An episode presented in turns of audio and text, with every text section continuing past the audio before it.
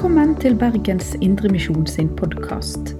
For mer informasjon om oss, besøk oss på betlehem.no, eller finn oss på Facebook og Instagram der som Bergens Indremisjon.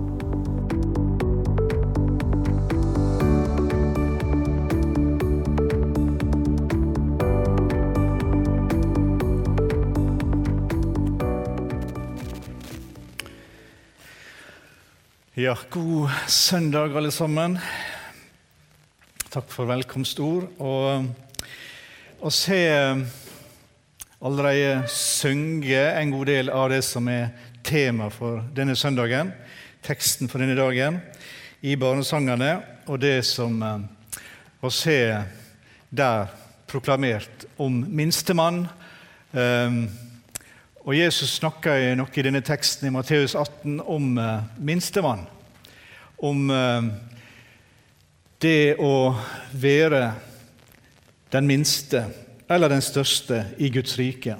Og hvordan oss vurderer det, og oss, eh, hva slags skala oss opererer etter i så måte. Vi leser sånn i Matteusevangeliet, kapittel 18 og de elleve første versene. I samme stunda kom læresveinene til Jesus og spurte, hvem er den største i himmelriket? Da kaller han til seg et lite barn og setter det midt imellom dem og sa, Sannelig, jeg sier dykk, uten at det vender om og blir som barn, kommer det ikke inn i himmelriket. Den som gjør seg sjøl liten som dette barnet, han er den største i himmelriket. Og den som tar imot et slikt lite barn i mitt navn, tek imot meg.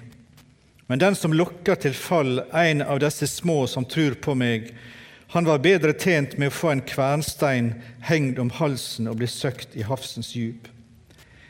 Ved denne verden som lokker til fall. Forføringene må komme, men ved det mennesket som det kommer ifra. Om handa eller foten lokker deg til fall, så hogg deg av og kast deg fra deg. Det er bedre for deg å gå lemlesta eller halvt inn til livet enn å ha to hender og to føtter og bli kasta i den evige elden. Og om øyet lokker deg til fall, så riv det ut og kast det fra deg. Det er bedre for deg å gå einøgd inn i livet enn å ha to øyne og bli kasta i helvetes eld. Ta ikke vare så dere ikke ser med forakt på en eneste av disse små. For jeg sier dykk, de har sine engler i himmelen, som alltid ser ansiktet til, til, min himmelske Far. For menneskesonen er kommet for å frelse det som var fortapt. Herre, dette er dine ord. Hjelp oss å gjemme dem i vårt hjerte grunne på det. Amen.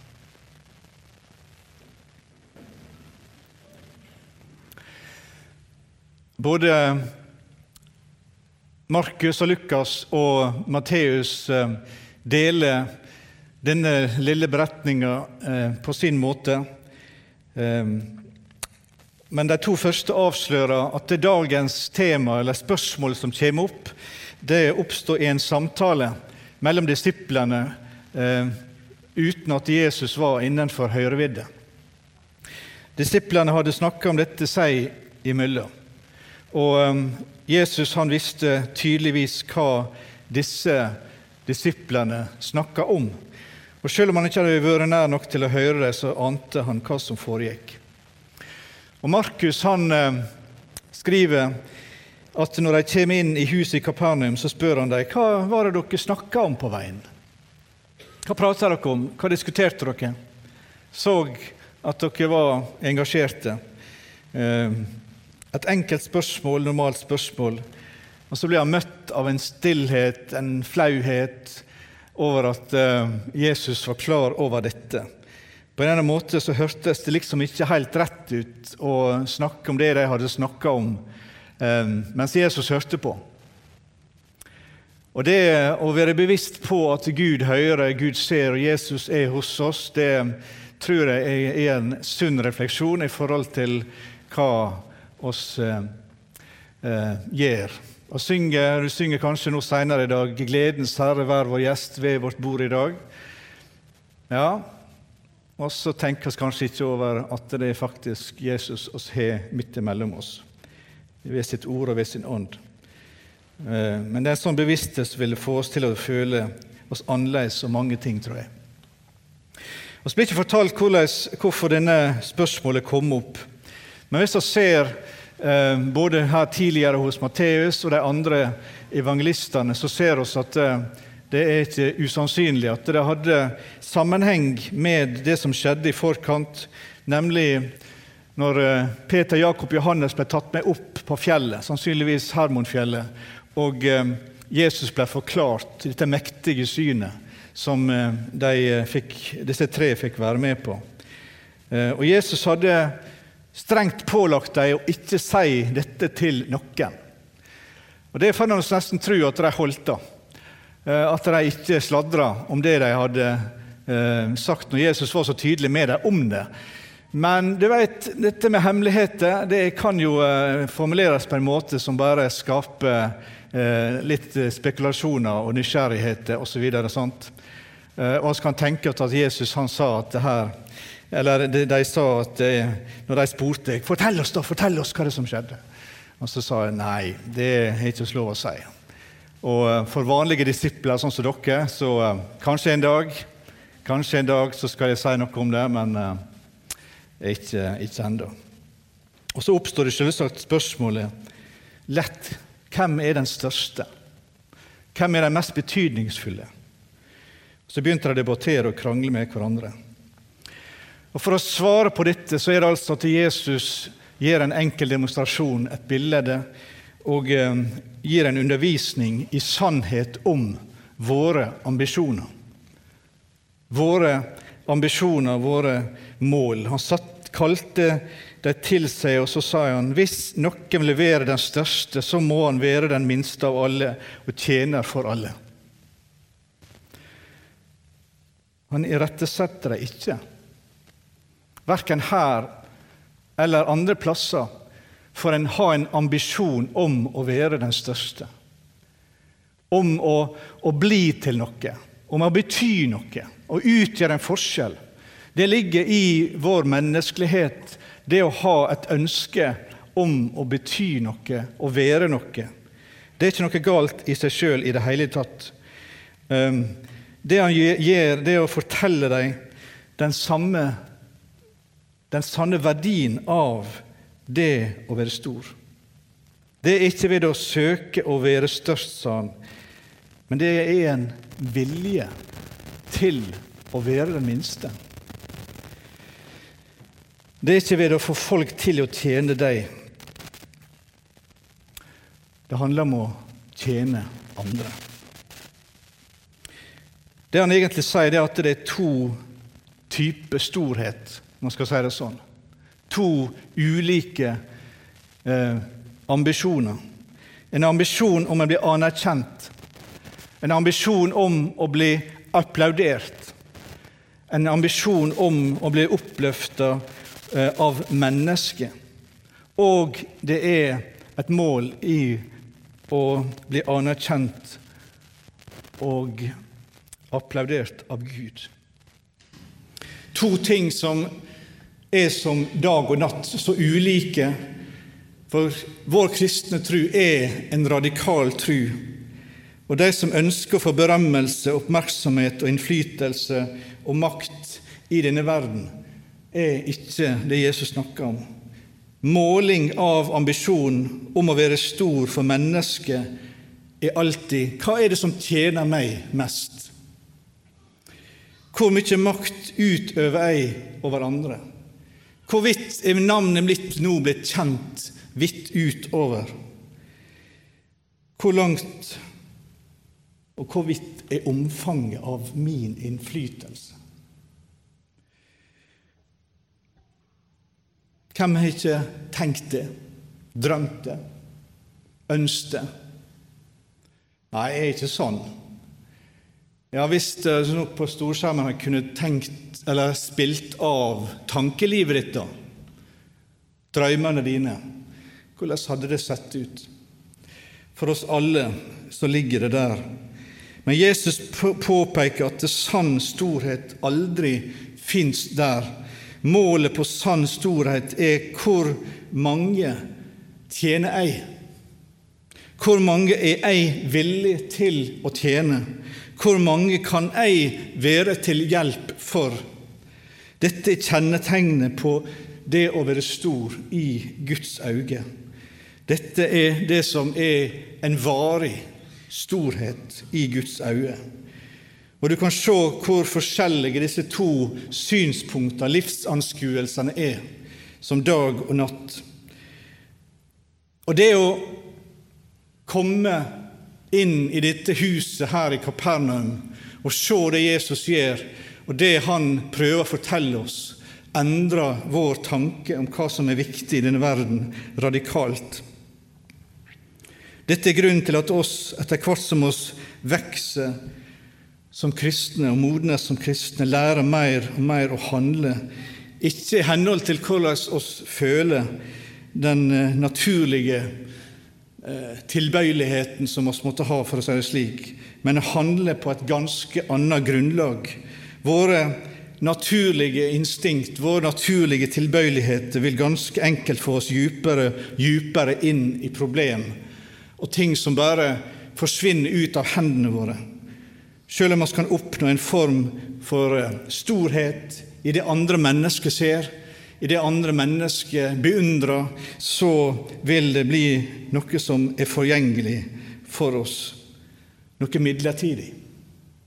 Jeg slutter aldri å forbause meg over både meg sjøl og andre, hvor lett oss blir fascinert av eh, begavelse, av, eh, av mennesker som er veltalende, mennesker som, som er, er eh, imponerer oss på sett og vis uten at oss eh, er villige til å gå i dybden for å se hva slags motiv eller andre ting som nødvendigvis ligger bak. Men jeg og du lar oss fascinere av det.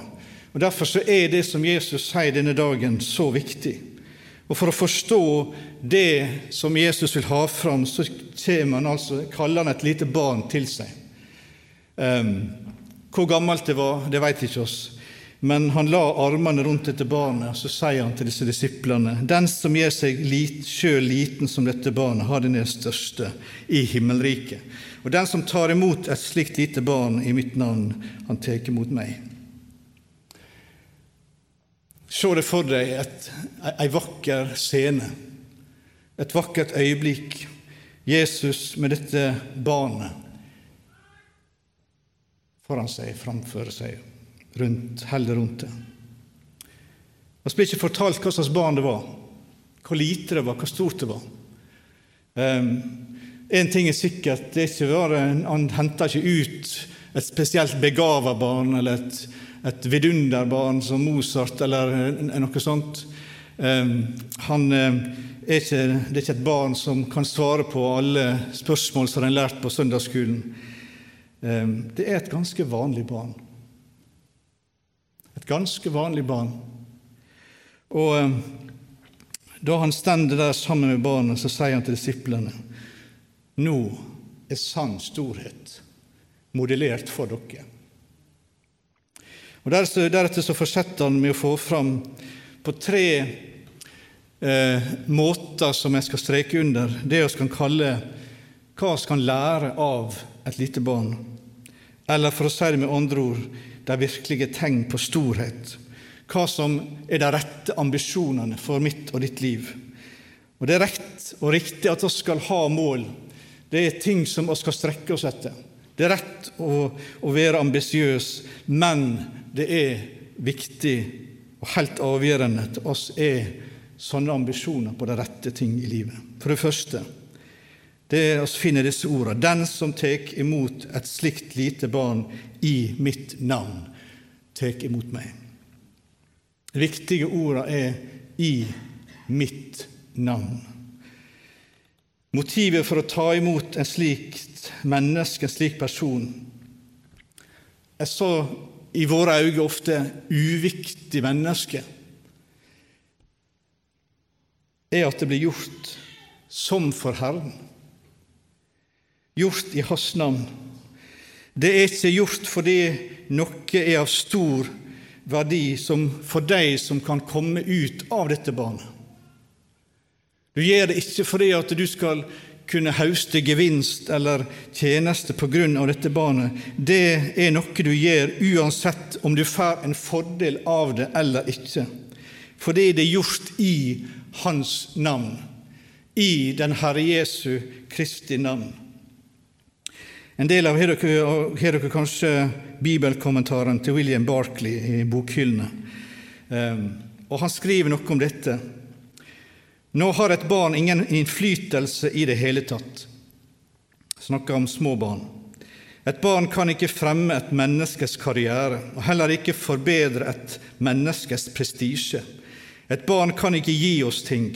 Det er omvendt. Et barn trenger ting.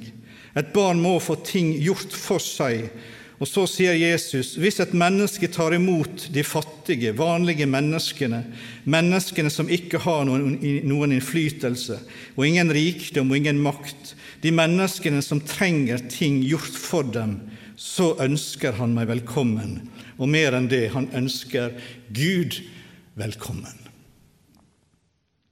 Det første sikre tegn på storhet er at du lærer i økende grad å ønske folk velkommen fordi de er mennesker. Bare fordi de er mennesker, skapt av Gud, og ikke ta hensyn til om de kan gjøre noe for deg, eller bety noe for deg eller ikke være bekymra for om, om, å kjenne deg forbedre din egen prestisje eller ikke, slik at du kan nevne deres navn i visse sosiale sammenhenger osv. Bare være interessert i mennesket fordi de er mennesker. Og fordi de potensielt i det er minst, de minste barn sønner, døtre av Gud sjøl. Det er Guds barns største kjennemerke. Og Det er dette Jesus sier til sine læresveiner. Dette han sier til sine, til sine disipler. Kjennetegnet på storhet er at du ikke ser på det menneskelige ytre.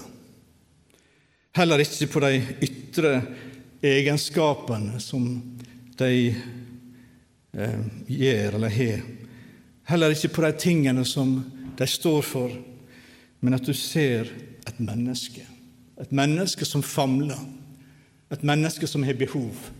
Et menneske som, som leter etter sannhet, etter liv, etter mening.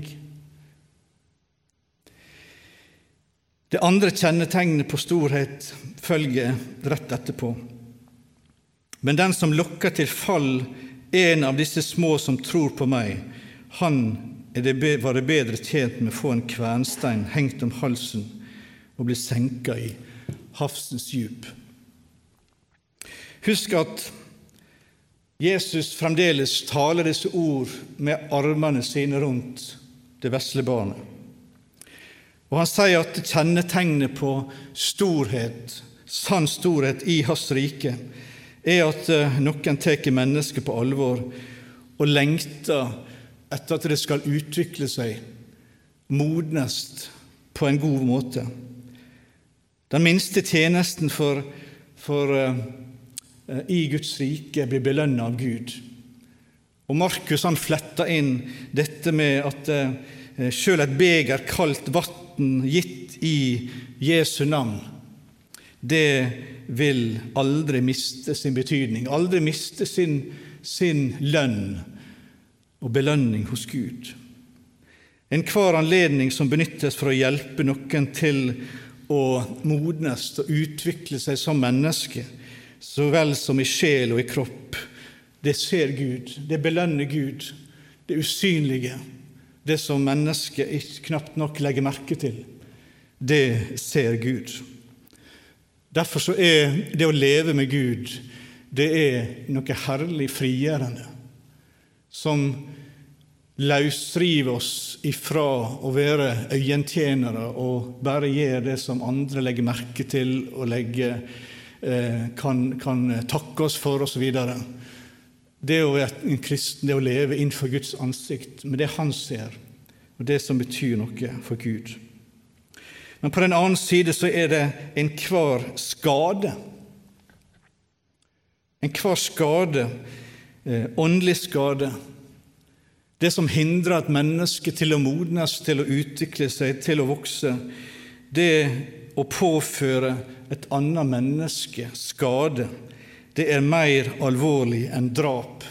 Det er mer alvorlig enn fysisk skade. Bedre for han at han fikk en stor kvernstein om halsen og ble søkt i havsens djup, enn å få en av disse små som tror på meg, som jeg er skapt til å falle. Jeg fant et lite stykke i en kommentar som jeg leste om dette. For 150 eh, år siden var det en skribent som eh, kalte seg Oliver Henry, som skrev små tankevekkende stykker som han, der sto i avisene. Og mange har sitert ting av han eh, i år etterpå. Og I et av disse stykkene skrev han om en lita jente som hadde mista mor si. Og så, når faren da kom hjem fra jobb, så fiksa han måltidet for dem. Så setter han seg ned med aviser, og så setter han seg ned med pipa. Og så um, legger han beina på, på krakken, og så um, er han der for seg sjøl og leste.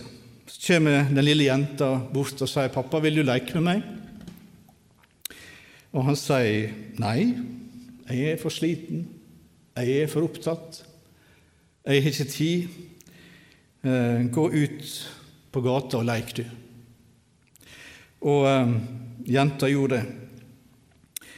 Eh, og det gikk så lenge at dette gjentok seg hele tida hun jenta vokste opp, og hun levde på gata. Og solgte seg sjøl til slutt når hun ble stor, og eh, levde livet som prostituert. Til slutt skriver Oliver eh, Henry at jenta døde, og hennes sjel i den historien eh, viste seg ved himmelens port. Og Peter sier til Jesus, 'Her er den prostituerte. Skal vi sende henne til helvete?' Og Jesus sa, 'Nei, nei, Slipp henne inn. Men gå og finn den mannen som nektet å leke med sin lille jente, og send ham til helvete. Her ser oss hvordan evangeliet forteller oss at Jesus sier noe om det å svikte de små. Svikte de forsvarsløse. Vise omsorgssvikt noen ganger er den største skaden som kan gjøres på et barn, på de unge, på de små og eh, at vi må erkjenne dette som et, en alvorlig sak. Den tredje tingen som jeg vil nevne, det er eh, i det som Jesus sier etterpå. Om handa eller foten din lokker deg til fall, så hogg den av og kast den ifra deg. Det er bedre for deg å gå lemlester halvt inn til livet enn å ha begge hender, begge føtter, og bli kasta i den evige ilden og eh, nevne auge. Det er bedre for deg å gå enøyd inn i livet enn å ha begge øyne og kastes i helvetes ild. Det tredje tegnet på, på, storhet, det som vi kan lære av å tenke på barn, er at den som tar unge mennesker på alvor, må lære å begynne å dømme seg sjøl. Dømme seg sjøl. Husk at dette fremdeles blir talt da med armene rundt det lille barnet. Og Han sier at det kjennemerket til en som tar på alvor viktigheten av det å modnes som menneske og det å vokse så åndelig som menneske, det er at han begynner å dømme seg sjøl. Det å handle drastisk med seg sjøl ut ifra de valg og de, de eh, veikryss som jeg og du står i livet. Og Disse ordene om å kutte av hand og fot og rive ut øyne er jo ganske dramatisk måte for Jesus å si, som han sier ved en annen anledning, fjern først bjelken som er i ditt eget øye, og så vil du se tydelig hvordan du kan hjelpe bror din, som en del av bergpreika. Analogien eller bildet som han tegner, er jo ikke så vanskelig å forstå. Og jeg henter fra selve livet. Hvis du har en infisert fot, f.eks. Eh, av koldbrann, og, eh, som truer livet ditt, og legene ikke kan gjøre mer for deg for å berge det, så er det bare én ting du kan gjøre for å berge livet, og det er det å hogge det av. Livet ditt står på spill, og uten at du fjerner det lemmet som er så skada, så dør du sjøl. Og Dette bildet er det på en måte at vi kan lese inn i det Jesus sier. En dramatisk analogi for å fortelle oss hvor alvorlig det er å være involvert i urettferdige, sårende holdninger til andre mennesker, og hva jeg og du må gjøre med det. Vi må forholde oss drastisk til disse tingene i våre liv. Ellers så fører det oss på gal vei. Jesus nevner helvete, på gresk gehenna, eller eh, eh, dette, dette, denne plassen utenfor Jerusalem som heter Gehenna. Eh, I dag er Hinnomsdal en heller trivelig plass med travel ferdselsåre rett sør for gamlebyen i Jerusalem. Og du ser eh, hvor idyllisk det er der i dag, så er det vanskelig å se for seg hvordan Gehenna var på Jesu tid og på gammeltestamentlig tid. Men dette var altså søppeldynga i Jerusalem. Eh, og en, en, grusom stank ifra søppelplassen og eh, eh all slags udyr og rotter og ormer spiste og, og, levde der av søppelet. Og det brann nær sagt kontinuerlig av det, av det som lå der og stanka. Så når jeg hørte ordet 'Gehenna', så, så eh, får jeg klare assosiasjoner eh, fra da disse hadde vært i, Jerusalem. Eh, og de eh, kjente hvordan det stakk dem i nesen en frastøtende plass. Og I gammeltestamentlig tid så var dette plassen der de ofra til avguden Molok. På flere plasser i Gammeltestamentet så kan du se hvordan Gud anklager dem for å sende sine barn i ilden. I tilbedelse av Molok. De ofrer sine barn til Molok for å bli brent med ild. En frastøtende plass og som sagt søppelplassen i Jerusalem. Eh, det blir symbolet. Når de kjenner lukta, når de, de, de ser for seg hvordan ormene bølger i søppelhaugen og rottene og alt dette, et symbol på et liv som er bortkasta, som er forgjeves, både her i livet og i det evige. Når vi leser disse ordene om helvete Forresten så er det, er det ingen andre eh, som sier, snakker mer om helvete enn Jesus. Når vi snakker om helvete, eh, om, eh, må vi forstå at eh, når det blir brukt på de som ikke vil tro, de eh, det vil si en som stender imot og avviser Guds nåde, avviser Guds kall til frelse avviser Jesu forsoningsverk, avviser Guds frie nåde om frelse og tilgivelse og evig liv. Når et menneske i den sammenhengen avviser Gud, så er det et vekkkasta liv, et eh, totalt tap. Et menneske som kan ha vunnet anerkjennelse hos andre mennesker, levd et et komfortabelt liv, men til slutt er livet hans en utslettelse, en total tap. Han blir kasta på søppelhaugen Gehenna for all evighet. Når disse ordene blir brukt om truende, som jeg tror vi kan se for oss er snakk om her, eh, så ser det ut som at et tapt liv et forgjeves liv er noe av det Jesus nevner for oss. Noe av livet vårt er bortkasta og sløst vekk og tapt, det er misbrukt. Og Jesus sier at måten som oss unngår tap og sløsing og ødeleggelse av vårt eget liv, det er å dømme oss sjøl. Å være ærlig med oss sjøl og ikke leve i et livsbedrag. Ilden representerer dommen i vårt liv. Og Han ber oss om å håndtere oss sjøl drastisk på denne måten. Og denne, denne, dette bildet som han gir, så begynner han med handa. Å kutte av handa eh, kan bety å eliminere den faktiske handling som oss gjør, de onde gjerningene oss gjør. Og hvis vi har et ureint sinn, hvis vi har eh, eh, skitten tale, så må vi vende oss vekk ifra det og slutte å nøre opp om det som gjør at oss er slik, og bruke et anstendig språk i stedet for et uanstendig språk. Hvis oss engasjerer oss i eh, seksuell urenhet, ser på pornografi osv. Slutt med det. Kutt det av. Det er et valg som du kan gjøre. Og Enkelte kristne de, de, de reagerer når en, når en, hører sånt og sier dette er lovisk, dette er ikke noe som vi kan, kan, kan, gjøre av oss sjøl. Dette er, er, evangeliet som, og Guds ånd som på en måte må, må, må gjøre sin gjerning i oss.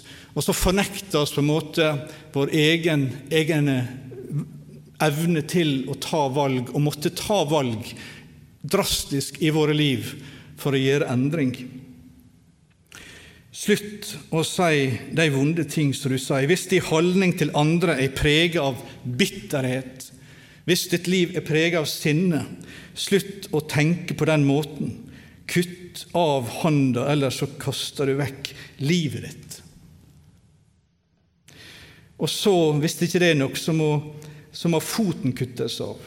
Foten er symbolet på, på veien som oss går, som fører til bondskap, tilnærming til fristelse, omstendigheter som fører deg dit. Du må kanskje endre veien du går til, eller forandre til en annen vei. Hva du bruker tida på.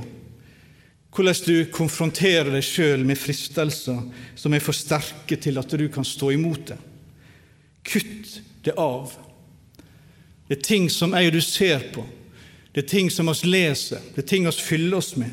Det er ting som, oss, som utsetter meg og deg sjøl for press, som er for mye for meg og deg til å håndtere.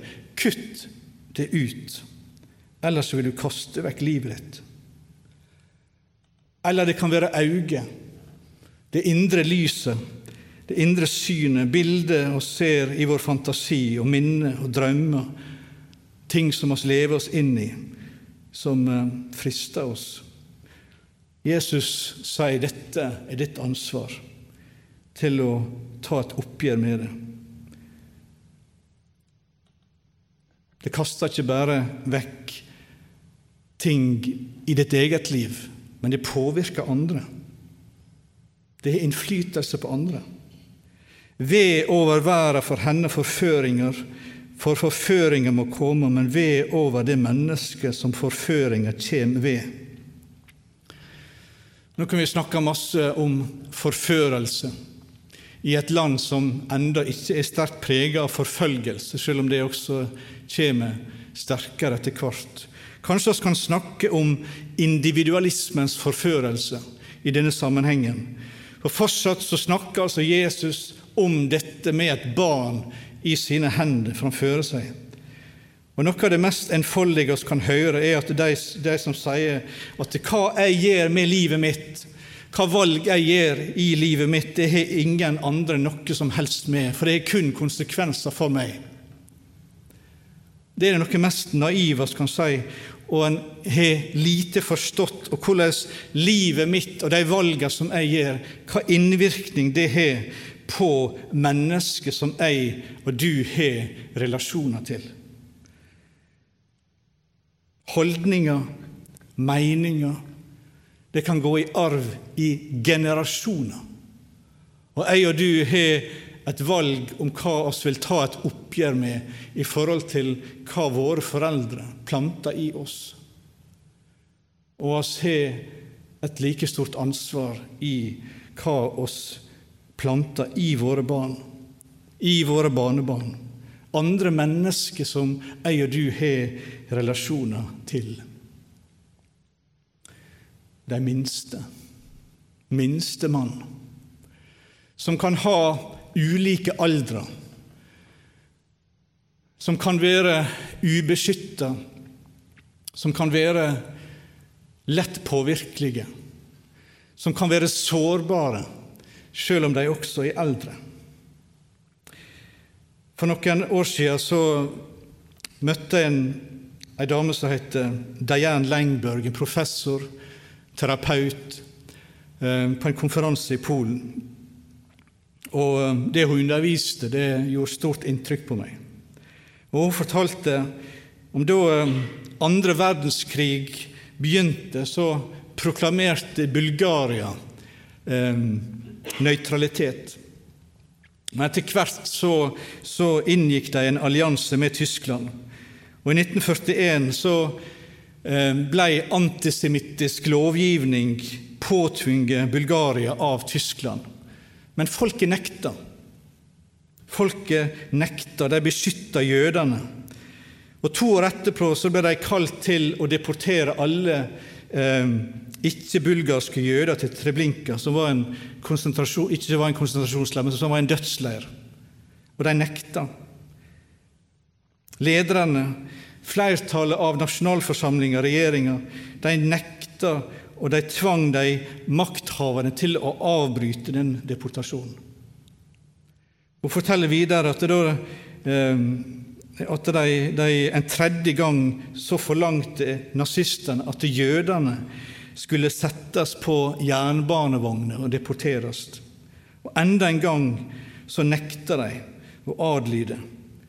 Eh, men til slutt så ble det gjort, og de ble satt på vognene og jernbanevogner, og flere mektige menn, en militærkommandør, en representant for lovgivninga og flere andre, de sto på jernbaneskinnene, og de sa dere må, ta, dere må gjerne ta jødene, men dere må drepe oss først. Og de tømte vognene, og jødene slapp deportasjonen. Utenom Danmark så var Bulgaria det eneste landet i Europa som ikke overgav jødene til tilintetgjørelse. Og eh, etter krigen så har de i Bulgaria feira eh, årsdagene da de nekta å bøye seg for ei ond makt. De har Navnet kaller de seremonien for de som ikke ble overgitt fortalte Dianne Langberg. Det er mennesker blant oss som opplever lidelse, som opplever ydmykelse, som opplever overgrep, som opplever eh, forsømmelse. Og jeg og du kan aldri velge nøytralitet og se en annen vei. For nøytraliteten hjelper aldri den som lider den minste, den som blir forsømt, den som, som eh, er et offer. Nøytralitet hjelper alltid den som undertrykker. Og fortielse oppmuntrer den som plager, aldri den som blir plaga. Storhet, ifølge Jesus, viser den som stiller seg på barnets side. Storhet viser den som stiller seg på den undertrykte sin side. Det må jeg du aldri, aldri glemme. Gode far, du har vist oss hva som virkelig betyr noe. Så må du hjelpe oss til å se på vårt eget liv om oss følge ditt hjerte. Amen. Du har lytta til Bergens Indremisjon sin podkast. For mer informasjon om oss, besøk oss på betlehem.no, eller finn oss på Facebook og Instagram der som Bergens Indremisjon.